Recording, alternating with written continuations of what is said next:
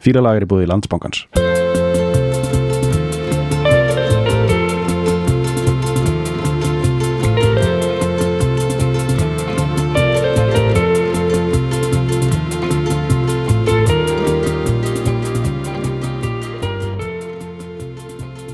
Er þetta. Er á play? Rekk heitir Já. Já, Sætt snorri Við ætlum að fíla lag í dag og við ætlum að breiða út af vananum. Við ætlum ekki að spila lagið í upphafið þáttar. Ok, Við ætlum að hérna, tala um það og tæma það og spila það í lókin já, Engungu Og við ætlum ekki eins og að segja hérna hvað lag það er. Nei. Við ætlum að segja hver blítandur er.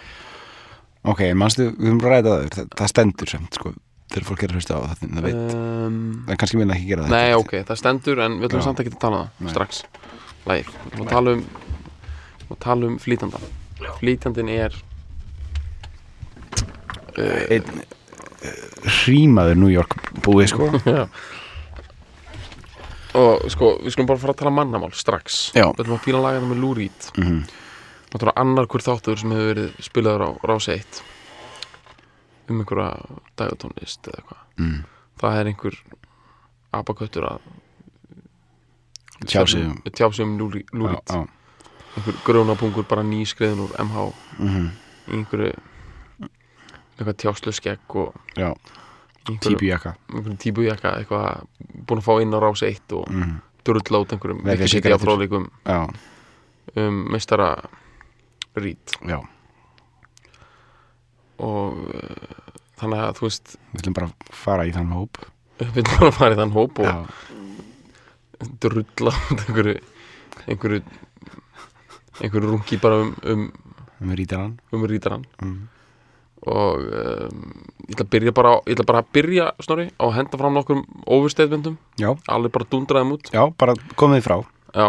Uh, Lou Reed er frumlegasti dægutónlistamæður 2000 allar Ok, næsta. Og næsta uh, Lou Reed er uh, hann er í rauninni hann er hann er rock'n'roll bara software update sko. Ok, næsta. Það er bara svona þegar þegar koma svona skilabóð bara frá rock'n'roll konseptinu um það bara you need to update your software sko. Það er hans það var hans Já. og hans svona contribution. Ok, næsta. Í hérna um, Reed er er uh, hann er sko sem sagt, svo staðanind að við séum að tala um Reed núna í einhverju svona já, svona nánast einhverju svona fræðilegu samingi sko. Mm. með tilgang hans, áhrif og, og stöðu. Mm það er sko, þa- það er eins og að gefa sko djöflinum sko kjötsúpu á bóla skilur hvað við það er feeding the monster sko. Já, já þar sem hans sko ára öll byggðist á því sko. Hún byggðist á því að það var einhverju tveir abakettin einhvers staðar að, að þykjast vita eitthvað um hann sko. þannig að til hann ekki með það púki á, á fjósbyndanum já, hér færð þú ost sneið courtesy of bara two suckers. Já, já, þannig að nú erum við bara að koma á svona nokkrum, já, bara aðeins að stinga á kýlið, sko. Já, sting á kýlið bara, Já, sem við séum ekki hann að við erum að tala hérna um Reed hérna og hann var rosalegur skilur, já, bara, nei, nei. Þú áttum okkur á, á þessu öllu. Mm og um, ég meina Eitt viðbútt, já, takk. Það hefur engin það lítur engin eins vel út með sólgleru eins og lúrít já, það er það staðfest er stað, það er sko. staðfest, það er bara búið að steimpla það bara, já, Reed var líka komin í hann að pakka með sko veist það skipti einhver máli sko þó að Reed hefði verið með eyrnalokk. Nei, þá hefði fólk bara fengið sér einnalokk já. Þú veist Já. Nákvæmlega. svalur sko. Já, og uh, þetta er náttúrulega bara kvikindi sko sko, ég, ég bara, ég fyrir aftur í það sko, ég, ég ætla að fara að tala um eitthvað svona Jewish American New Já. York dæmi sko, já, en við gerum það í hverjum einasta fokkin þætti, við erum alltaf að tala um þannig gaurar sko. já, þessi er meira New York hættin út í alveg sko. já, já er það ekki? Jú, er það ekki? Jú Hann er hann er hann er cool New York sko. Já, old cool. Old cool sko. New York. Já, New York. Bara hann og Miles Davis bara og og eitthvað, hann er bara hann er með bara þetta New York jive bara down to an art form sko. Já. Sem er bara þetta hana fokkaðir já. Fokkaðir en dýrkaði mig í leiðinni ok ok, hérna við þurfum að við þurfum ekki að byrja að fíla lagið sjálft strax nei við þurfum að reyna að fíla lúri meira ok, hann hérna uh, sko Hva, hvern, hvernig byrja maður? við hvernig byrja byrjum maður á, alveg byrjum við á byrjuninni eða? nei, nei, ég Nei. held við byrjum bara á einhverju ógæslega svona basics sem allir geta verið sammála um sko. Ok það er það að hann var hérna songwriter sko. mm af því hann var orðin songwriter sko, áður en hann fór að flytja lög sjálfur Já. og hefur augljóslega, augljóslega einhverja náttúrulega hæfileika í því Já. hann sko hann var, hann var í uh, hann vann fyrir fyrirtæki sem heitir Pickwick uh, Pickwick Productions eða eitthvað svolítið pe- Pickwick Te, uh, hann var dæmið það. já, þetta er að Pi- Pickwick Publishing heitir það. Það var, hann var hann að sem var bara svona Tin Pan Alley dæmið sko, svona uh, músík versmiða þar sem að voru bara menn í með, með píano og, og, og skrifblokk sko, sígarettu kartón. sígarettu kartón og, og, og kaffi sko, kaffi sko. Já. Já. Það voru og menn bara í góðum jökkum sko. Svita bletti. Já. og kaffi. Fengu bara herbyggi í einhverju húsi. Já, og áttu bara að dæla út titlinum sko. Þann, og, og það menn voru að gera það sko, eins, og, Já. eins og menn sem Burt Bacharach og, og Hal David og, og, og hann uh, Carol King og, og Jerry Goffin voru í þessu, þessum pakka og með þess að Neil Diamond og einhverju svona fleiri voru í en sko Reed var í þessu en hann, samt, hann það, það er ekki til neitt svona hann pennaði ekki neitt sko. Nei, hann var ekki sko, hann var, hann var í þessu sko, en hann var ekki, hún var ekki ganga vel sko, Nei, ok. Bara höfum það á hreinu sko, hann var ekki að, hann var ekki að hendi neina útöðlega snill sko, Nei, var, en menn hafa samt haft nóg mikla trú á hann og hann fekk borgað fyrir að hann fekk semja eitthvað svona hann fekk eitthvað svona laun fyrir þetta dæmi sko. Og þetta var ekki langt tímabil sko sem hann var í þessu, en, þe en þetta var byrjun fyrsta skrefin, sk fyrsta skrefin hans í í uh, hinnum uh, listræna heimi allan músíkinni sko Já. þá var það í, í einhverju svona færibanda færibanda lagasmíð sem er mjög cool sko. Já, það er náttúrulega líka út af því að hjarta í lúrít uh, slæri í dúop taktík sko. Já, Það er þaðan kemur hann sko. Hann kemur úr dúop og svona tí, tíni teeny pop er dæminu sko. og hann er náttúrulega algjör hann er náttúrulega baby boomer sko. Já, ég já. meina þetta er 41 Lou mótil Reed- eða eitthvað Ég held hann sé aðeins yngri Já, hann, jú, hann er svona ok, ég myndi segja 40, alveg Fjör. 45 aðja, ok, Hann er á svipuðum aldrei á Neil Young og eitthvað svona. Uh, hann er í þessu post stríðs baby boomer Já, drullu sko. Fyrsta velveit er tekin upp 66 sko. Uh, sem er 66 og, og kemur út í mars 67 uh, þá er hann bara 21 eða eitthvað svo leiðis uh, og hann er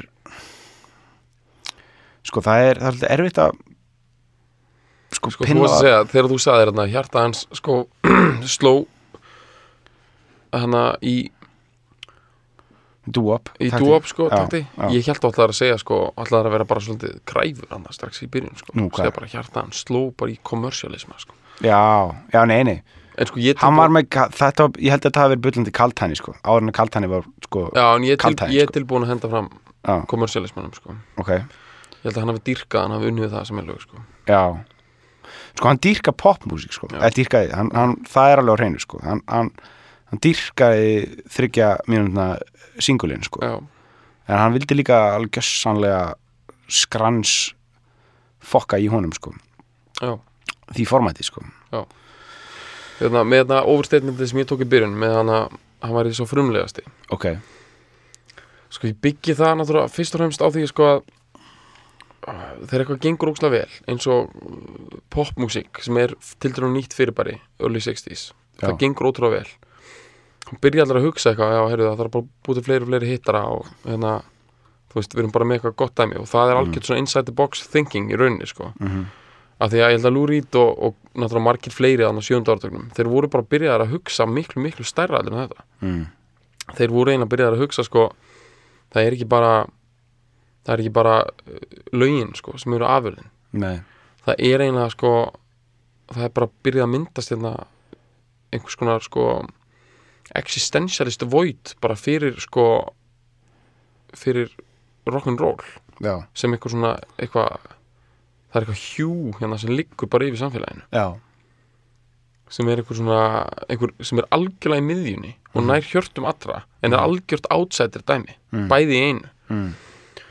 og það er þessi pæling með að vera bara í leðurökka og með sólgleru inni og segja öllum að fokka sér. Mm fyrir einhverja fáránlega ástæðu í þessari twisted veröld sem var sjönda áratugurinn Mhm. þá var það bara eitthvað mest basic sem hún gæst gert. Já, og ekkert í rauninni sem að var ég að kósi. Nei. Og það. Og og sko hann, hvort sem að hefur verið með þetta og með þetta, þá einhvern veginn fattaði hann það sko, já. Þetta snýrist ekki um þessa afurð sko. Mm. En þetta er eitthvað sem hann viðkendi aldrei nokkuð tímann sko, út í öllum viðtölum sem eru öll ótrúlega twisted. Mhm. það sem allir aðrir eru búin að fatta þetta bara þú ert íkon, þú ert bla bla bla. Mm. talaði hann eiginlega alltaf bara um músík. Eins og músík væri nummer 1, 2 og 3 Mm. bara, nei, ég sem lög, ég gerir lög. Talaði ógeðslega mikið um upptökur. Mhm. og ég hafði einhverju drastli sem hann gerði setna þegar bara ég ætla að segja, þú veist, bara sumt dót sem hann gerði bara hljómar ekkit vel. Nei, nei, það er ekkit, hann er ekki að hitta naglan á höfuðið þá talaði hann alltaf um það sem einhver svona fáránlega mikið experience og hann hefði unnið mjög rosa miklum fagmönnum og hann hefði algjör að ná þarna einhverju, einhverju pælingu sem hann er búin að vera með lengi og eitthvað en það vitaði allir sko að það eru þessi viðtölu, þetta bullshit og þetta rugl sko Mhm. sem að er essensin í honum Mhm. en samt sko að því sögðu hann samt er fullt af fáránlega góðan lögum. Já, ég meina hann, hann er, hann er sami fullt af sko fórna fallegum lögum sko. Einhvern veginn í þessum bjagaða skrýtna ramma sínum. dæmi sko. Það er, það er alveg magnað sko. Það er, ími, er ímislegt varandi hann sem er sko bara ef við ætlum að taka bara svona smá svona valho valhoppaðin sinni gegnum uh, ferinn hans uh, Lú sko.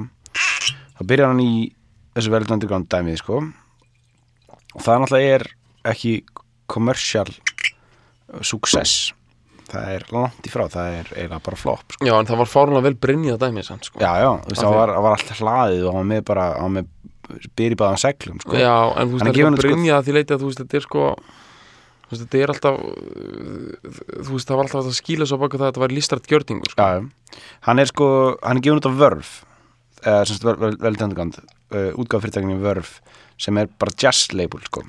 Og þeir voru, bara, þeir voru með uh, Nina Simone og, og, og, og alls konar alls konar bara experimental músík sko. Mm eða svona uh, avantgard músík sko.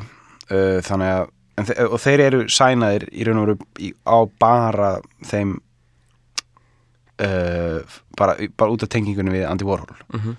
Andy Warhol er skrifað sem pródusir fyrir þessar fyrstu blötuðar Mhm. en, en hann gerði ekki neitt sko. Hann, hann mætti Alltaf einu, ekki músíklega en, hann, hann, hann, hann, hann mætti einu sinni eða tvisar í stúdíói bara í tímyndur sko. Þess, það, var, það var annar bara það var annar uh, engineer sem ég man ekki alveg hvað heitir akkurat núna sem að tók upp allt dæmið í, í New York. Og svo var annar helmingurinn tekin upp í um, í, í Los Angeles sem er úsla fyndin pæling þetta er svo sva, svakalega New Yorku plata sko. en hann fór þangað og tók upp með Tom Wilson sem þú kannski maður þetta er úr hann, hann tók upp fyrstu fyrstu þrjár eða fjórar Dylan-plötunar hann tók e- Electric hann, eða hann tók upp fyrstu sko, hann tók Sub- Subterranean Homesick já, Blues og allt upp að Like a Rolling Stone uh, singlin Mhm. eftir það tekur uh, Bob uh, hvað er hann eftir Bob uh, fuck já, sem tekur hérna sem bara tók, hana. og já, blondon blond og allt já, bara, drast allt, bara tók, spyr, tók allt fram að, fram að þetta í New Morning eða eitthvað. Já. Ok, þeir eru einhver dundur hérna, hvað er hann þá, bara engineer, sákur eða? Nei, Sá- Sákur er í raun og producer en já, bara, en, þá eru komnir út í þessu umræð, sko, hvað er producer? Já, af því það er ótrúlega það er í raun og endana bara sá sem setur að nafnsitt við það, að hann hafi átt eitthvað hérna, artistic value í, í fram, framleiðslu á, á gripnum, sko. Já. Á þessum tíma var það þannig þú veist. Já, já, en ég bara að segja sko að hérna bara svo staðreind að þetta tengist aftur þessari upphálu pælingu sko hvað, hvað afurðin nákvæmlega er. Mm bara svo staðreind að sko Andy Warhol tengja nafnsitt við við dæmið. Já, já, sem hefur kannski alltaf líka verið gert meira og meira á síðara tímum sko. Bara eftir því sem nafn hans stækkaði líka. að fólk var kannski ekki svo obsessed af því þá. Nei. en bara svo staðreind að nafnið hans er við það og hann hefur vantalega bakkað upp. Og gerði náttúrulega coverið og gerði cover líka og hefur svona mikla tengingu við það en bara hann hefur tengin absitt við það og bakkar það upp og bara associate sig við það. Mhm.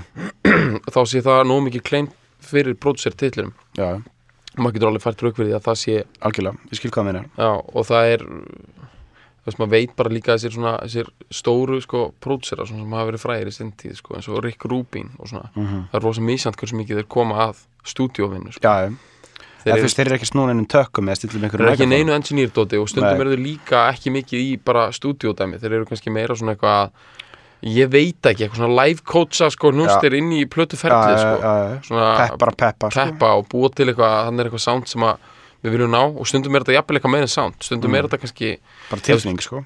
já og líka bara einhver svona, já, svona ímyndar pælingar sko. Já, þeir þurfa að vera meira í uh, hip-hop, eitthvað svona tengi eitthvað meira í hip-hop. Þeir Já. eiga að vera svona rock hip-hop dæmi eitthvað.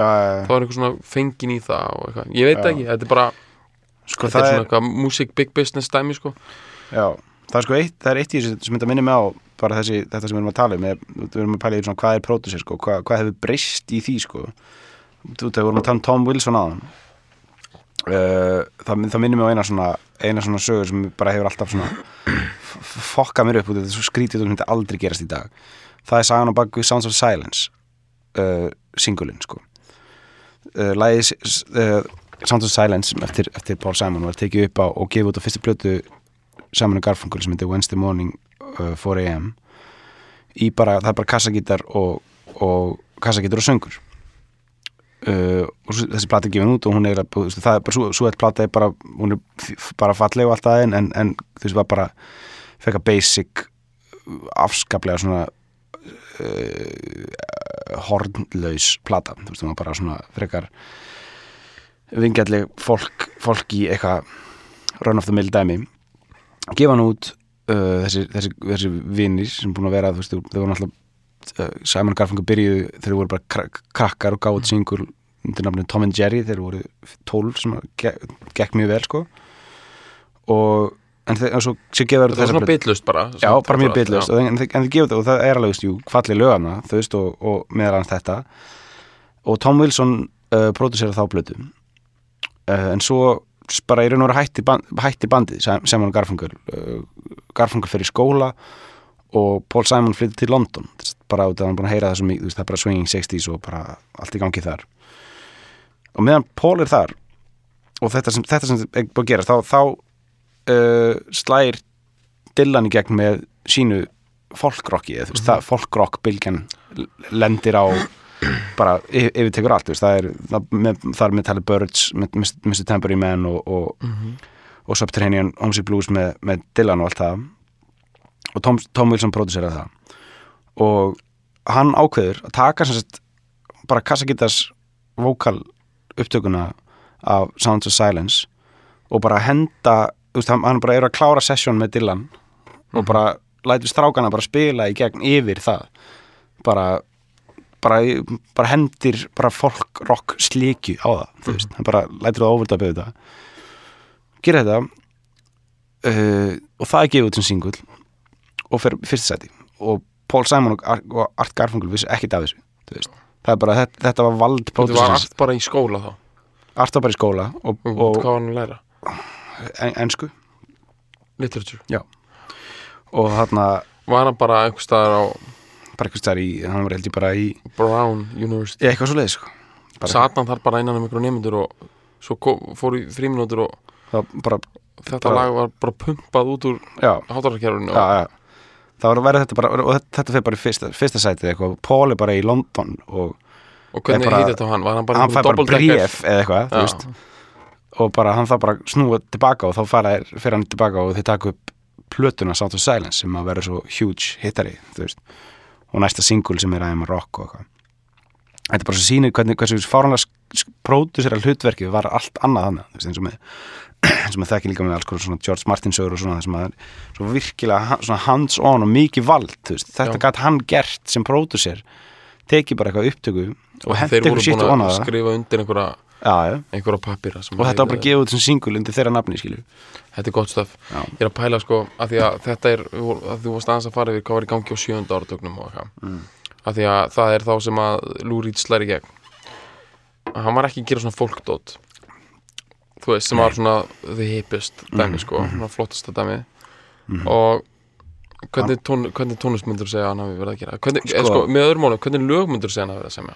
Það er, sko, það, það er, frá soundinu sko það er nefnilega málið ef við, ef við skoðum þetta, þetta er 66 67 sem fyrsta platan kemur þá er hippanir sko og, og, og Psychedelia. ástin, ástar sömarið skilju og, og síkadeljan sko ég myndi ekki segja að Underground sé síkadeljans Nei, nei. kljónsett sko það er, það er svona það sem að setja þá Já, frá- það, það sem maður bara gerir þá að hérna, sko, bara til að fara að gera þetta, uh, bara pakka sér saman bara mjög hrætt, sko, eins og einhver gæði myndi gera á rásætt, sko, Mhm. það sem sko það sem gerir þá að avantgard dæmi, fyrir utan það að þeir voru ekki neitt vinsalir, fyrir utan það á alltaf eða þegar punkreifingin kemur, kannski 10 ára síðar 75, 76, 77 verður ekki, og verður mainstream svona 78 eða eitthvað mm þá er hún revival í einhverja gamla tíma sko hérna hins einf, einföldu tónlistar mm því að tónlist er búin að progga sig í drast sko. Mhm. Já, já. er orðin alltaf þróuð Já. alltaf prótsuruð, alltaf bara mikil og,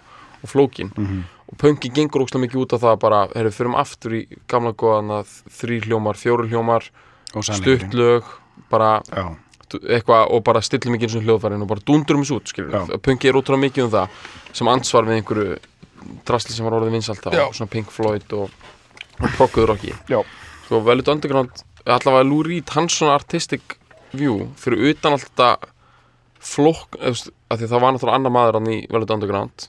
Já sem að, sem að var svolítið svona einhverjum já, hann var að flækja hlutina sko.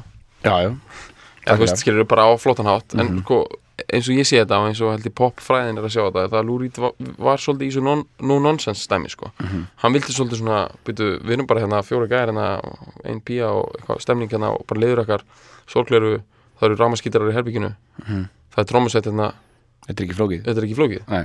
og ég er með lög hérna, já, þetta eru ekki, eru ekki flókin þetta eru bara svona gömlu góðu lögin sem ég fíla þetta er bara dúhopp hérna, mm fokkaðir, skilur þú, þú upp og já, en þá erum við við og bara, er það ekki svolítið svona ástæðan fyrir því að þeir eru stundu taldir einhverjur f- forverar punksins að þeir bara, þetta er svona telja í dæmi eitthvað? Jú, jú, jú, jú.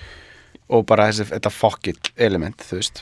Þeir eru, en svo var náttúrulega til annað á sjöndartunum sem er kallað garage rock. Já, já, þetta er náttúrulega er, þetta er, að, þeir eru fullkomlega mikið bara og ekki Pop er komin hann já, já, hann er byrjaðar 60 eitthvað, er það ekki? Sko, fyrsta stúdísplatan er, er, er 69 og John Já. Cale producerar hana, sko, sem var í Völdandirland uh, en, en þeir, það, er, það er líka það, við erum, erum ekki byrjað að ræða náttúrulega texta, texta inniha- innihaldið hjá og undur í þann húnna? Já, já, fyrir bara yfir það, ekki það, hérna- það vita allir hvað er að já, nákvæmlega, sko. bara dundurum þessu út er Eh, textarnir, þú veist, það er þar, þar virkilega setur hann sig sko í þetta outsider.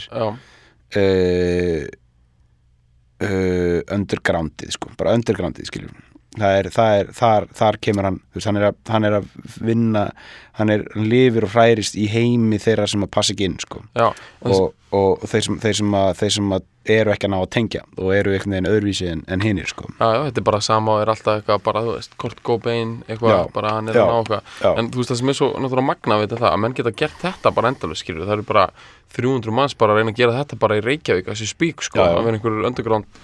En sko elementin sem hann hefur er náttúrulega það að hann fattar það, sko, að underground og outsider dæmi, Mm. það er þetta er sem ég er að tala um, það er bein lína inn í hjartað, sko já, já, já, veist, það er með því að lýsa því, sko, ég meina náttúrulega Dylan er ótrúlega mikið í þessu. Aha.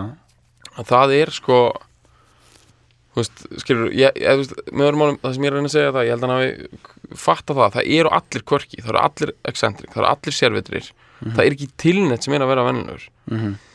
Og uh, og hérna og með krafti rocksins sko, þá þú veist, það fá allir svo mikið vald með því að heyra eitthvað svona sko. Og, og geta upplifað eitthvað svona byrju, ég er ógæslega skrítin eins og þessi ógæslega skrítningur en það eru allir að gera það sko. Mm, þannig, þú skilur já, þú veist, það er þetta, þú veist, að vera outsider en vera svona tengjað inn á einhverja megin línu sko. Og það hjálpar alveg til að því við erum meina, hann er eins og Dylan sko. Hann er Jewish millistettar gæði sko. Mm og hann er mér þess að, er strámt að tekja ekki frá New York, hann er frá Long Island einhver útkvöri, þú veist, skilur sem er reyndar alveg tengt New York. Mm og hann einhvern veginn þú veist, hann reyndar sko sem síðan lög um eitthvað svona outsider New York eitthvað, hérna göduvændi og eitthvað not, notkuðun og eitthvað svona dót sko. Og þessar, transsexual og, og svona allt, allt það alltaf þá senu sko. Sem síðan bara veginn sem síðan bæðið þá og síðan setna verður að bara basic staple í rocki sko. Í rauninni kannski aðeins eftir hans tíma átti því að þegar hann er að gera þessi fyrstu svona lög sko, sem reyndar verða ekki kannski mainstream vinsæl mm -hmm. þá er ennþá þá eru rockarar og popparar ennþá að reyna þú veist, þú veist, að halda feysi skilur, þú veist, ég er ekki að segja þessi allir eitthvað í hérna í hérna klæðskera sniðinu jakkafötunum sko eins og eitthvað svona British Invasion style. Nei, nei. en menn eru samt ennþá með eitthvað svona vilja bara vera goodie gæjar já, en síðan bara upp í er ný- 70 þá springur þetta bara Já, þegar það glamrockið og það kemur. Ég menn það er ennþá verið að það, það er verið að bösta uh, þess að gauðra það er ekki byrja, er ekki, eins- ekki eins og búið að bösta skilur neitt af Rolling Stones eða Beatlunum eða eitthvað á þessum tíma fyrir það að er þessu ennþá. Já, það er ennþá ekki, þetta er ekkert komið upp sko, það gerist ekki fyrir, jú, kannski 67 þá byrjar þetta fyrst að gera sko, þá eru, ég held að Brian Jones hafi verið svona fyrsti sem að var uh, var neldur sko. En þú veist bara í þessu með að tala um hvað hann er frumlegur og allt þetta skilur Mhm. þú veist þá var maður bara benda á þessa hluti þú veist hann er gjörsanlega obsessed af einhverju svona dóti sko þú veist hvað hefur verið vinsælt skilur síðustu 30-40 ár skilur bara síðan poprock verður eitthvað skilur þú veist hvað, hvað hvernig eru þú veist að því við erum á einhverju svona MTV kynslu skilur maður alltaf horfa á myndbönd og eitthvað þú veist það var Marley Manson og svona drass skilur Nine Inch Nails. Já, já, þú veist, ég, ég stundum ennþá að horfa á þau myndbönd og er bara að byrja var þetta massprodúsað fyrir amerísk heimili? Eða? Þú veist, þetta er bara, þetta er bara einhver api að, þú veist, Kveikja ríða þetta er einhver svona einhver messiasar api bara, já, þú veist, skilur að fíla sig. Að, fí- sko, það sem ég er að segja er sko, þú veist þú getur ekki þú veist, þetta, þetta er svo mikill standard í dag, sko. Það er svo erfitt að setja sig í þessi spór hvernig það var þarna, skilur já, en þarna er hann bara alveg og heldur samt einhverju feysi, sko þetta er náttúrulega svona í, veist, í beinni línu frá beatpotrinu og, og, og þessu svona William S. Burroughs og þetta, þessu dæmi, skilur Já, þetta er búið að vera til sem bókmyndahefð sko. já, hann hefur aldrei verið fært inn yfir í tónlistina, sko. Og þetta er að sama á, þú veist, á menn hampa Dylan fyrir, sko, er að taka kannski eitthvað svona, eitthvað literature, sko, arfleið já, en einhverja línu sem er þar, sem svona verður ekki og breyta því pop culture, sko. Já. Eitthvað sem, sem allir Mhm. skilja og, og fíla, sko. Mhm. og þetta er bara jú, kannski er Dylan stærstur í því, sko, en Lou Reed er bara hann er bara stóri gæinn í þessu Mhm. svo er náttúrulega annað, svona basic element sko, við ætlum bara að taka þessu rásar eitt basic hérna sko, Mhm. að Lou Reed er að hann er að færa saman sko hámenningu og lámenningu, Já. gríðalega mikið sko já, og við eigum okkar svona sko söngaskáld sem er Megas Mhm. Og það, þetta hafði bara ekkert verið gert á Íslandi. Og þú veist, og Megas er mér að því að þú veist, hann er náttúrulega ennþá hérna, starrandi tónlistamæður sko, mm Mhm. blöður. Hann er sko ennþá að sjokka sjokkra fólk. Já, með því að vera að taka einhverjar basic svona sögur úr íslenskri alþýðuhefð bara frá fyrra öldum sem eiga að vera einhverstar intakt í einhverjum bókum í leðurbandi upp í hillu einhver búið að greina og da da da Mhm. og setja þær í samhengi við einhverjar, einhverjar sjokkun horror sögur úr divaf eða eitthvað Þú veist, hann er ennþá yngur þannig og það er ennþá að fokka okkur upp Mhm. að okkur finnst svo óþægilegt að það sé í alveg samhengi á milli tilfinningafólks á 19. öld og árið 2014 Já, við erum ekki ennþá að meika sko. mhm, og þaðan gera þetta að taka svona úr tveimur bæði, kannski tveimur ólíkum hérna, tímum já, og líka taka eitthvað úr high culture og low culture og blanda því saman. Þannig að við sjáum að þetta er bara allt eins. Það er alltaf ja, sjokkarandi sko. mhm.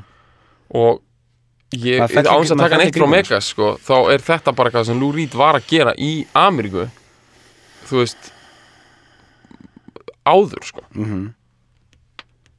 Og, ég- og ég get ekki ímyndað mér hver er hans fyrirmynd sko. Þú veist, jú, kannski einhver skáld og eitthvað. En hérna það er engin, þetta er bara algjörlega ótróna slóður sem hann er að fara. Hann er það sko. En það er, það er mitt, það er svolítið erfitt sko. Það er oft eins og með, með svona gaurar Það er svo erfitt að niður njörfa það niður á eitthvað eða bara finna finn eitthvað svona, finn eitthvað svona punkt til þess að uh, sína eða bara maður að segja bara þetta er lúrít skilur einhvern veginn. En við erum samt, við erum samt búin að að finna okkur eitt lag sem við langar til að eitt lag sem okkur langar til að einbætt okkur að sko. Sko, ég veit bara, já, ok bara, og, og við viljum að spilum hvernig við færum okkur sko, ég held, veistu, svona, ég held að þetta sé self-explanatory, sko. Ég held að við erum eftir því sem við erum búin að tala meira um hann sko, þá byrjar þetta alltaf að leiða sama brunni. Ég nefnilega, held ég búin að krakka þetta að því leiti við, þetta er alltaf að að snú, þetta er alltaf að byrja að snúast meira og meira um hans personu mhm, af því að gæðin er e- egomaniac skilur eins og Mhm. margir popparar. Mhm, og hann skilur það sko. Þú veist, hann skilur að allt, allar umræður um hans list byrja að snúast um hann skilur, og hans personu og já, hann eitthvað. og lagi sem að við munum spila á eftir ég held hreinlega að það muni skýra sig sjálft af hverju við erum að fíla það lag sem Já. einhvers konar loka dæmi um hann. Já, sko textin er mjög einfaldur. Já. hann er hann er um uh, sem sagt uh, hann er um það uh, hvað það væri ótrúlega gott að geta horfið. Mhm, og ég meina ég held að þú veist, ég hef ekki stútur að Lou Reed kannski jafn mikið eins og Bob Dylan sko, en Bob Dylan verðist vera haldin einhverju svona einhverju svona fáránlega djúbstæri þrá sko fyrir að vera unknown sko. Mhm, sem er náttúrulega nett pyrrandi dæmi sko. Já Ás, en líka á sama tíma sem hann bara vill vera allir viti hver hann er sko. Já, algjörlega veist, Þetta er alltaf þetta, þú veist eins og George Harrison var, sá á bítlunum sem svona hataði frægðina og eitthvað já. að segja það verandi frægur sko, það eru tilfangi miljardur manna að úti sem að vill vera þú skilur, vill vera já. frægur og færið ekki sko, já, já, og bara greið þú að vilja vera en þú veist þetta er einhver nagandi tilfinning og ég hef alltaf séð fyrir mér að ferill Lou Reed maður sér það bara, það er náttúrulega algjör unun að fara á YouTube og skoða sko blaðamanna fundið með honum já þetta er bara eitt af besta sem að YouTube hefur upp á að bjóða sko. algjörlega að það gæðin er hann er hann er, er, þetta er, þetta er stíi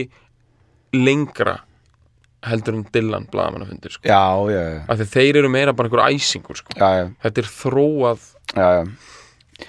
algjörlega, ef maður ber saman eins og bara eins og klippin úr, úr Don't Look Back sko, öll, öll, öll, allir blaðamann fundinni þar sko og, og hann þessi frægi þetta, þetta fræja viðtal við, við Lúrít í, í Sydney 74 er þetta ekki, fyrir það? Nei, þetta er er, þetta 74? já, hann er komið aflita háraðna sko Ok. hann er, og hann er á toppnum þarna svolítið svona, hann er, að, hann er eftir Transformer já, en þetta er kannski 73 já, þetta er kannski 73 já, ok uh, og og hann er, hann er svo mikið hann er svo, hann er svo, hann er svo sko Dylan var sko confrontational og, og, og hérna og bara svona hvað segir maður svona svona uh, átaka einhvern veginn bara, bara, var, bara vildi fá eitthvað, hann reyndi alltaf eitthvað spurði hann eitthvað spurningu, reyndi hann að svara hann þannig að, að, að gaurinn lít út eins og fáið fyrir að hafa spurt hann að þessu. Einhvern veginn og þannig að þú að vísi í svona eins og annað San Francisco 65 blaðamannafundin hann Já Ég er nákvæmlega vissi Já. hann það er náttúrulega bara alveg bara YouTube gúmulaði sko. Já, já, það er geðið veikur geðið veikur blaðamann Já. sko. ég, sko, ég, ég, bara- ef fyrir líka þannig að hérna bítlandi, bítla blaðamann Já. sko, sem, að- er, sem er sko all, fullkomin andhverja þessa, þessa dæmi sko. það sem að þeir eru bara svona að vera heitir sko, Já, og vera bara Þeir að eru að bara feeding the press, sko. Já, bara vera mestu smart asses bara á góðan hátt og hægt er sko. Og Dylan og Lou Reed er að vera að vera svona smart asses á vondan hátt sko, eða samt en á í ógeðislega góðan hátt. Já, þá er þú veist, en, en Lou Reed hann 75, eða sjö- eh, hvernig hvernig þetta, 73 eða eitthvað, ég veit ekki, hann er þess að hann er með aflita hári sko. Þar er hann svo nasti sko. Já. Bara, já, samt einhvern veginn svo blíður bæði í einu sko. Hann er, hann hatar einhvern veginn hann hatar allt sko. Hann hatar allt bara sem það er í gangi. Og en, en hann um leið einhvern dýrkar það sko. Hann er, hann er, hann er sko hann dýrkar að hann sé að fá það að fá það tækifæri að fokka í þessum gaurum sko. Eða þú veist að, að En sko, fyrir mér er þetta svona dæmi um það að vita allir hvað þetta er mikið leikrið sko. Já. Blaðamennið líka. Já, En hann er svo fárálega djúpsleipur já. Við erum alltaf erum klálega að fara að henda þessu hvort þessum búinir, nei við erum að henda við aftur þessu náttúrulega á, á, á Facebook á Facebook Annars er þetta líka bara Þetta er, þetta er bara YouTube hérna Luridi, Australia þá finnur þetta strax já, sko. við Hann er- setjum þetta á Hann fíla er við fárálega gott lúk hann sko. já, þú náttúrulega hefur kópir þetta lúk tvisvar Já, ég er bara I live and breathe bara fyrir þetta lúk sko. Þetta er að heitasta sem að showbusiness hefur bóðið upp á Mhm. fyrir utan bara Sammy Davis Jr. bara undir sitt síðasta að ég verð að taka þetta Sammy Davis Jr. dæmi sko, hef ekki það er það besta sko. já, hann er sko- alinn upp í showbusiness hann þekkir ekkert annað nei, hann var byrjaðar að dansa og syngja tveggja ára gamall sko. his life sko. bara pappans tók hann on the road sko. hann þekkir ekkert nema þessi klappað fyrir honum Já. og hann dáður og, og post gig blues Já. Hann var byrjaðar að finna post gig blues tveggja ára sko.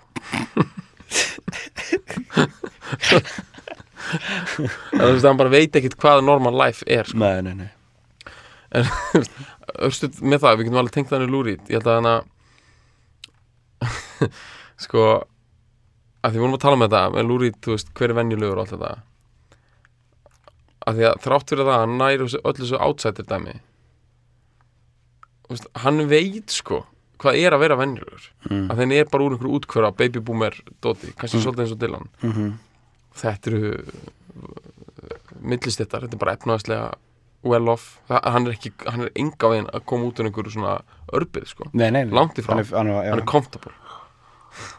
En það er eitthvað sem plagar hann rosalega mikið og það er eitthvað svo ótrúlega hatað við það að vera átsættir sko þegar hann elstu upp. Mhm.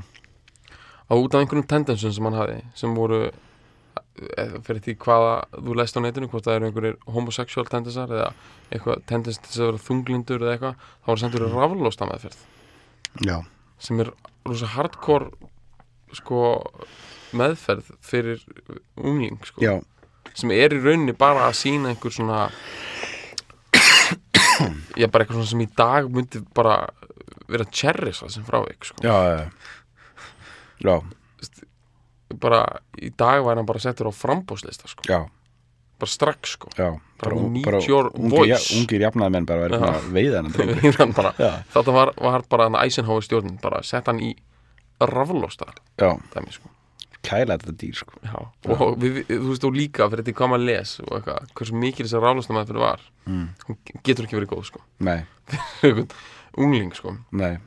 Og hann hefur talað alveg um þetta og þetta hefur áhrif á hann. Mm og, og það er bara eitthvað veist, þetta er alveg augljóslega eitthvað sem hann, sko veist, þetta hefur verið kannski svolítið hans missjón líka, sko, var þetta það að við getum var þetta hvernig hann hérna, nær til allra sem eru öðruvísi sko. mm. bara hann hefur fundið svo stert fyrir því sko, andstöðinu við, við það sko já, en allavega, Reed hann sko þegar Gaurin var, þegar hann var rúmlega tvítuður hann virtist hann að vera sko vitur sko. Mhm, virtist vera búin að kveikja á alls konar hlutum hann inn í 60 svona gömul sál svolítið sko. Að hann hefur ekki hennan ungjaðis dæmi ung, þetta, þetta ungjaðis element sem að margir aðrir svona hafa þeir eru ungir popparar eitthvað þú veist. Já, já, hann bara virðist alltaf hafa verið eitthvað svona uh, eins og hann viti að þetta sé allt kjaftaði sko. já, þannig að þegar hann varð gamall raunverulega gamall þá breytist hann náttúrulega bara í eitthvað sérvisku uh, náttúruundur sko. já, já. og ég meina hann kom til Íslands en það spilaði já, háskóla bíó ég sá það.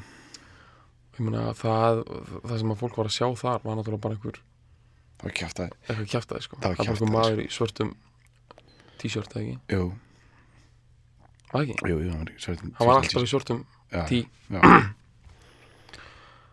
bara einhvern veginn að hvað, hvað var hann að gera? Var er sko hann var að spila svolítið, hann var að spila gítarsóló sko, Gítarsóla manni eftir já, þetta er svona 2000, þetta er svona 2005 þetta er, þetta er líklega þegar platan hann að Raven er að koma út. Já, þetta er á þeim túr. Og uh, uh, þú veist það er, náttúrulega- það er alltaf það er alltaf skrítið að fara á svona gömul hana, legend gig sko. Og það maður, þú veist, maður er ekkert að fara að sjá nýja tóti nei, eða, veist, maður er ekkert að fara maður er ekkert að fara að eða, maður er ekkert, maður, maður, það er svo erfitt að fara hana inn út, maður, veist, maður, dýrka út sem maður voru að gera fyrir 50 árum það er ógæslega erfitt að koma og, og að sjá eitthvað í líkingu við það eða, eða eitthvað, þú veist, þetta er bara ekkit maður getur ekkit verið að fara að sjá það sem maður en það sem gerir þetta vantilega ekstra erfitt með Reed er að hann veit þetta Já, vel sko. mjög, hann er mjög meðvitaður um þetta eitthvað og, og hann var með svo skríti band með sér sko. Ég, ég man, sko já, hann var með eitthvað svona selló selló leikara eitthvað, eitthvað gimp svona á, á vinstri hend sko, eitthvað svona eitthvað, eða byrja, sem var með svona gett háa soprano-rödd sko, mm -hmm. hún söng stundum eitthvað eitthvað, svona, eitthvað svona, eitthvað svona skrítin sóló í þennan milli uh, var það basically sko hann var augljóslega komin með eitthvað svona listaháttíðarprogram já, en það var ennþá verið að selja það eins og hits only já, program sko. já, já, það var bara hann var augljóslega að vinna með eitthvað slaft svona listaháttíðin í í Separinitsni eitthvað já, já, já, eitthvað program sko. En, en fólk var að kaupa sér inn á þetta. Þetta var allt selt inn bara þarna, já, hann er komin aftur. Hann hefur einhver gleym bara, bara, bara it's just a perfect day. Bara undir. Sko við erum náttúrulega að tala líka um það að uh, hans helstu heroin óðar sko. Já, eins og Perfect Day og eitthvað svona einhver, einhver drulla sem hann samti bara einhverju gríðarlegri geðulegð já, var náttúrulega að byrja að vera bara eitthvað svona Pavarotti Bono já, eh, collaboration bara já, til stuðnings hvað var það, eitthvað, Júgoslavíu já, Já, var það perfect? Day? þeir tóku þetta maður Nei, nei, nei, nei, nei, nei, nei, nei, nei, nei, það er sko það, það Aid? þurfi, já, við Já. setjum það á fíla, fílalag sko, það er sko nei, það er eitthvað dæmi sem var gert svona ég man eftir þessu þetta er, þetta er þetta var eitthvað svona VH1 gourmet shit, Já. sko, Þetta- þetta var alveg skranskeirt þar, sko. Það er þetta var svona alls konar söngvarar að syngja Perfect Day, hann byrjaði og ég man eftir að hann söngkonan í M-People tók svona eina línu Já. og einmitt Pavarotti og, og Bono og eitthvað svona, fullt af, fullt af svona Pavarotti tók hann basically sömu línuna eins og sko Kristján Jónsson tekur í hjálpum þeim sko. Já, já, já, einmitt. Eitthvað svona, Já, já við erum bara með tenor líka. Já, já, já. bara meistara tenor. Þetta er eitt, þetta er alltaf bara eitthvað fyrir alla hérna. Já, Þetta var, ég held að þetta heiti, ég held að þetta hafi heiti eitthvað Perfect Day 2000, eitthvað svoleiðis. og þetta Já. var sko, Millennium style já, þetta var held í 2000 þetta sem þetta kom út, ég verð að finna þetta maður, shit, hvað er langt síðan þetta séð er dundur. Þetta er dundur, og hann var með í þessu sem sagt. hann var með í þessu. En sko við skulum bara við skulum klára þetta dæmi. Sko Þessa, Lou Reed fór í collaboration með hljómsdurinn Metallica. Já, og ég hef ekkert nema gott um Metallica að segja og ég er mér sér tilbúin að fíla lag með Metallica þess vegna, einhvern tímann. En sko Metallica 2009 eða eitthvað. Mhm, uh, gera þetta sem þeir voru að gera þá? Já.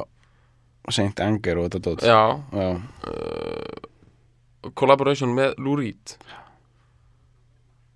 Það er niðurlæging sko. Jaha, já, já, er það step down? Þeir voru komnir út í hot sko ég sko það er niðurlæging fyrir hann sko. Fyrir hann Já, það er augljóst sko. Það er, það er alveg augljóst ég vil meina Það vita það allir ég vil sko. meina að við þurfum ekki að fara einhver svona starffræði hana þetta, er, þetta er ekki þannig niðurlæging að eitthvað eitt græðir og eitt tapar þetta er meira bara svona Það er bara mjög augljóst bara, tap bara, fyrir alla sko. Já, já, það er bara allir Þetta var bara slæm hugmynd fyrir alla já. það er það sem ég er að segja Já, sko. já, já, já, auðvitað, auðvitað ég er eiginlega að tala um það að sko, þú stundum verður eitthvað greater than the sum of its parts Já, já, alls ekki í þessu tilfelli þetta sko. verður tölvöld verra heldur en the sum of its parts Já, sko, já. því að það sem var eftir á Lou Reed og það sem Metallica var að gera var, að, var allavega for what it's worth sko, eitthvað sko. en þegar þeir komu saman og við þurfum að henda þessi á Facebook síðan líka mm. og er að taka hana Sweet Jane til dæmis Þeir gera það. Þeir eru að hesta út Sweet Jane on her live þá vil ég meina að þarna hafi orðið til einhvers konar uh, rock'n'roll svarthól sko, sem sogar eina bara til sín allt sem að var búið að byggja upp alltaf 2000-öldina sko. af því að það sem af því að sko ég hef aldrei séð neitt dæmi verið sett upp jafn mikið eins og það eigi að vera djúb snild sem þú fílir já, eins og það já, og verandi það ekki sko. nei, Ég bara, þú veist, það er hátt reitt til hög sko. já Metallica eru þarna bara svo, veistu hvað ég samt veit að tengda það saman Hvað? þeir vita ekki eins og sjálfur sko. það eru bólin sko. Svarti bólinir Já. Þröngu svarti þeir bólinir eru alltaf í þröng, Ah. bæ, bæ, bæði acts eru alltaf í þröngum svörtum t-shirts mm.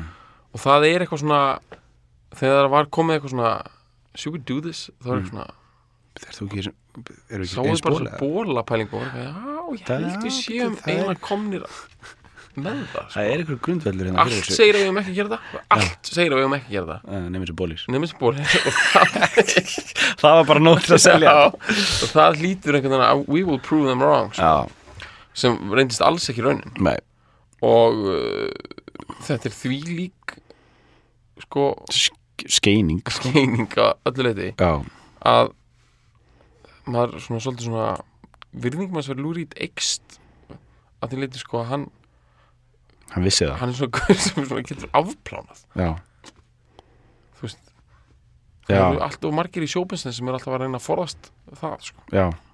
Þetta er náttúrulega síðast sem hann gerði það hann dó. En það, ég veit ekki Eða þú veist, þetta síðast útgefinu platan, það ekki? ég veit ekki, Lúri dó í fyrra hann var alltaf að gera eitthvað með þér. Já, hann er gefið ykkur jókaplötu. Hann hefur pottið gert eitthvað svona eitthvað svona listaháttíðardæmi Já, já, eitthvað svona fyrir eitthvað svona listaháttíðin í San Antonio já, Texas. Palm Springs bara. Já, eitthvað svona, gert eitthvað svona, svona mediocre eitthvað svona Bara San Antonio Philharmonica og, og já, Lúrít bara og Lúri að Já. gera eitthvað svona eitthvað svona frekar lélegt, eitthvað svona kabarett Já, act en öllu sögðu sko þá við erum búin að tala mikið um Reed og við veitum að hann hann er samið hittara sko og flutta og, og hérna og við höfum ekkert mikið verið eitthvað að tala um það sko en veist, mikið af Rölda Underground dótinu hefur orðið klassík síðan mér mm. og hann hefur, hann hefur selt miljónu platna. Mm. og veginn, hann hefur búin að tikka allir þessi bo- box sko Mhm. fyrir rockstjörnuna. Mm. og eitulif og konur og, Og kallar. Og kallar. Já, og hérna og svo kemur þessi tími sko, veist, eins og ég sá hans viðtal við hana Angus. Já, já, það er yngri gæði ACDC og hann var búinn að rokka sig hann er búinn að rokka sig alveg rosalega sko, gerum tíðina. Já, og hann var hérna einhvern veginn yngri bara svona frekar kandid viðtali sko. Og hann var hakkaður sko. Mm. og þetta er svo mikið svona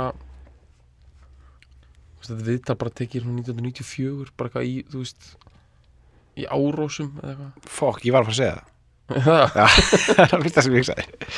Þú veist, ég man ekki hvað það þú veist, það er bara, þetta er eitthvað svona hann bara einhver svona basic skildu viðtali bara við eitthvað DR2 sko. og hann er Svo, Angus, did you have any problems with drugs? og hann er svo hakkaður sko. en samt svo eitthvað svona bara þú veist, og maður hugsaði svo mikið byrju, þarna er ekkert eftir nema skel Já, af einhverjum rock'n'roll húligan. húligan og, og, og þá hugsaði ég bara að hann hafi hugsað bara how nice it would be to disappear sko. Mm. að ná einhvern veginn að enda þetta á einhvern veginn á ljóðræðan hátt sko. Og það vil ég meina að sé síðasta triksið sem að lúrít áttu bíðar minni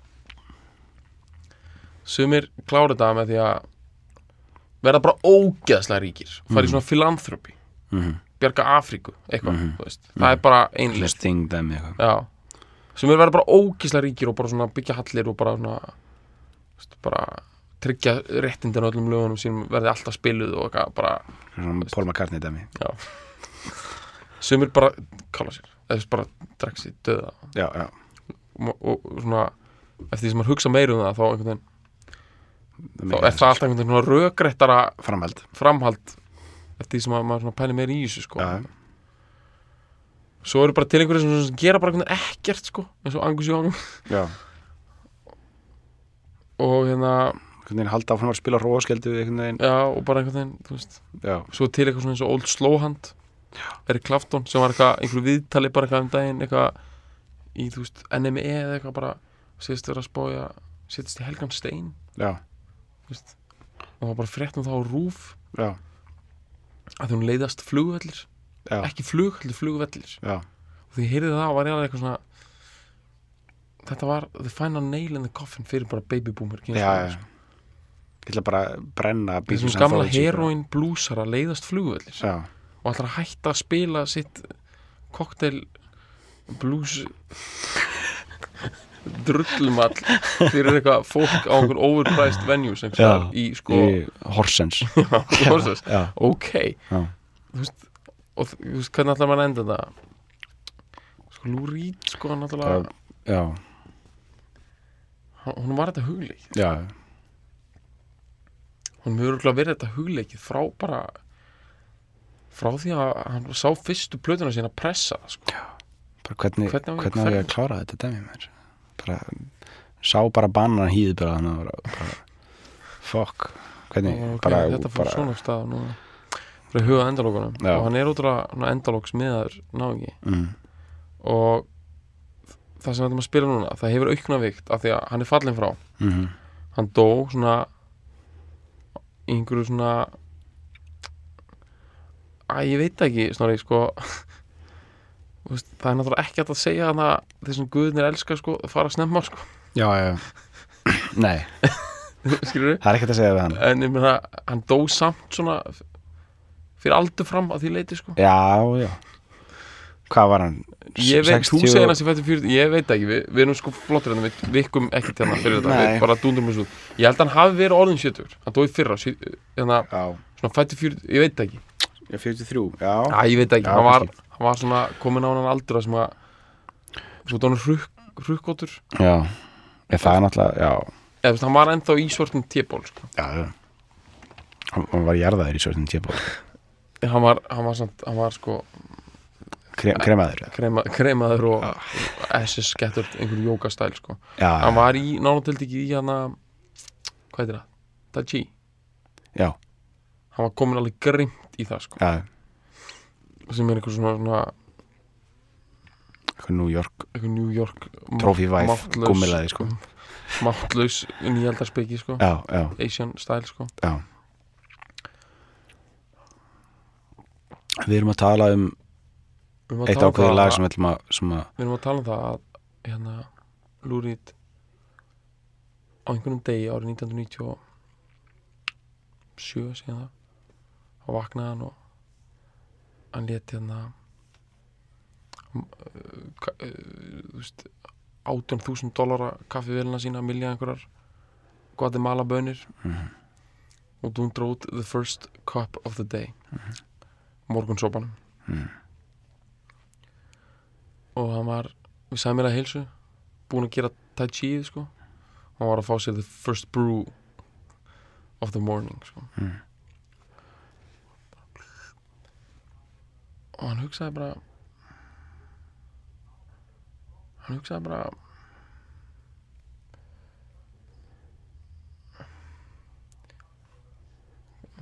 Hva, hvað hugsaði hann? hann hugsaði bara ótrúlega mikið bara til hvers já ha, við sko hann var að hugsa um hvað? hann var að hugsa um hann að hann að fyrstu kærtunum sína Já, the one that got away Já, hann fór að hugsa um hana sko. hann fór Og- að hugsa um einhverja Mary Sue man, bara í, sem hann var með í high school í í uh, Long Island sko. Long Island, bara baby boomer þegar allt var í lagi, bara do hop og take her to the prom og Mhm. Já. ponytails og, og síkætti bakkinina í, Upp í erminni upp í erminni og í kjölfæra því þá hérna þá held ég að sko því við, okkur hefur verið tíðrætt um eitthvað dót sem við kallum car stoppers mm. veist, við erum að fíla lög sem að fá maður til þess að, ef maður heyrði í útafinu bara í bílnum, bara heldur að stoppa hlusta á lagið bara, mm. skott lag, fíla það Mhm. það er alltaf eitthvað svona ég mann að einn þáu samt, eitthvað svona fíla, þú veit fíla ég það eitthvað, ég er að fá gæsa það lag er að koma mér í stuð Mhm. þannig ég er að, ég er að fíla það. Mm. en sko Lou Reed var sko komin einhver svona pælingar sko, sem voru bara svona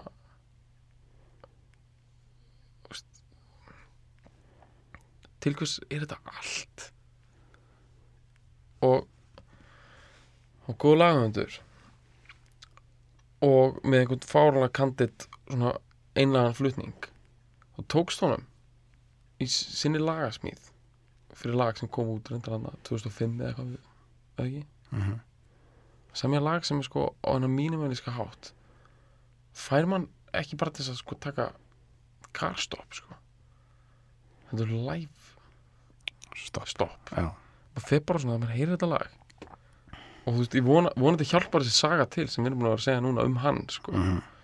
en þetta er svona lag sem fær mann bara svona til að hugsa um bara maður efast sko.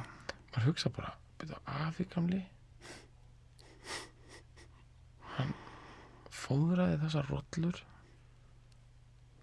til þess að ég siti hér Mm. þegar maður bara svona virkilega byrjaði að efast um allt og maður langar bara ekki lengur að vera til mm. Maður bara til að hverfa sko. Já, en samt á góðan hátt og maður langar ekki til að hugsa að nú dey ég og verið jarðafur og sálmar og þetta er bara eitthvað dýpri það, maður langar bara til þess að allt verði svart mm. og sko, þetta væri ekki frá sig fæna þess að við erum að segja og þetta hafa alveg einhverjir gæjar, einhverjir bela bartókar þess að heims að tjá þetta einhverjum djöfisins koncertsvítum í gennum Mhm. tíðina já, já. En var ekki bara loka triksað hans hann tókst að gera eitthvað sem gætum fræðilega kallað poplag Mm. og ná þessu Mhm. lag sem getur hýrt í útarpinu og þú hugsa bara þegar það er búið bara hvað er útvarp? já þú bara, þú bara, bara lapar út í bílun og skilja hann eftir í gangi sko. Já, þetta er ekki carstopping, þetta er já, þú bara ferð sko. Bara ferð upp í fjöll og hugsa þenn gang sko. vanishing act.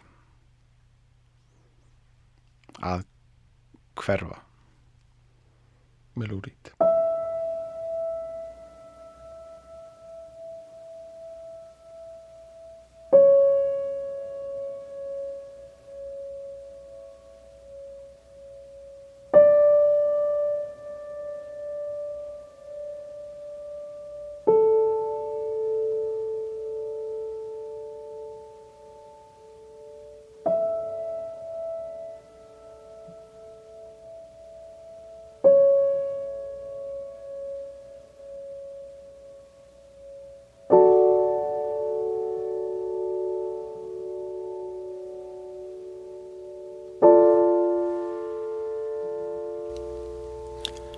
It must be nice to disappear, to have a vanishing act, to always be looking forward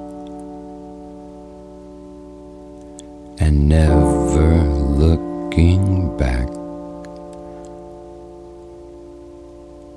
How nice it is to disappear, float into a mist. With the young lady on your arm, looking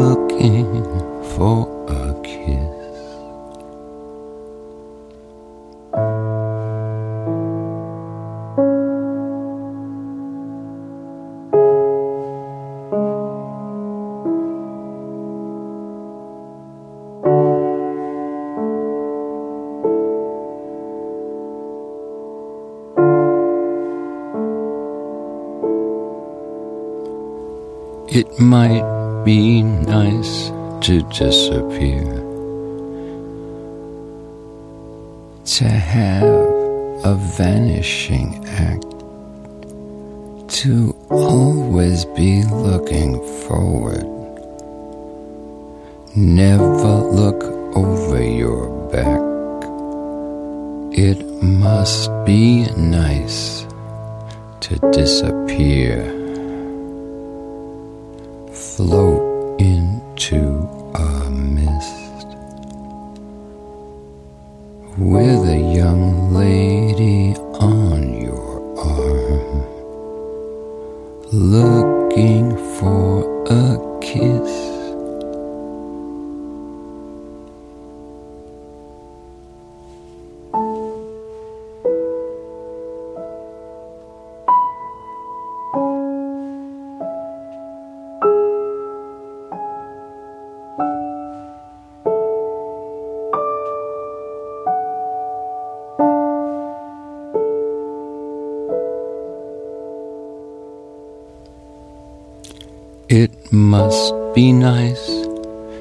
disappear, to have a vanishing act, to always be moving forward.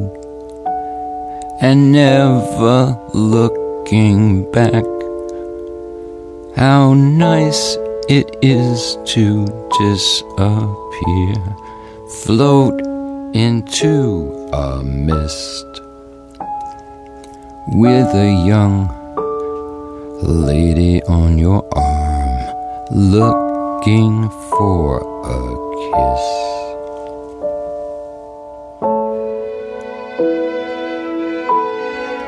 Looking for a kiss.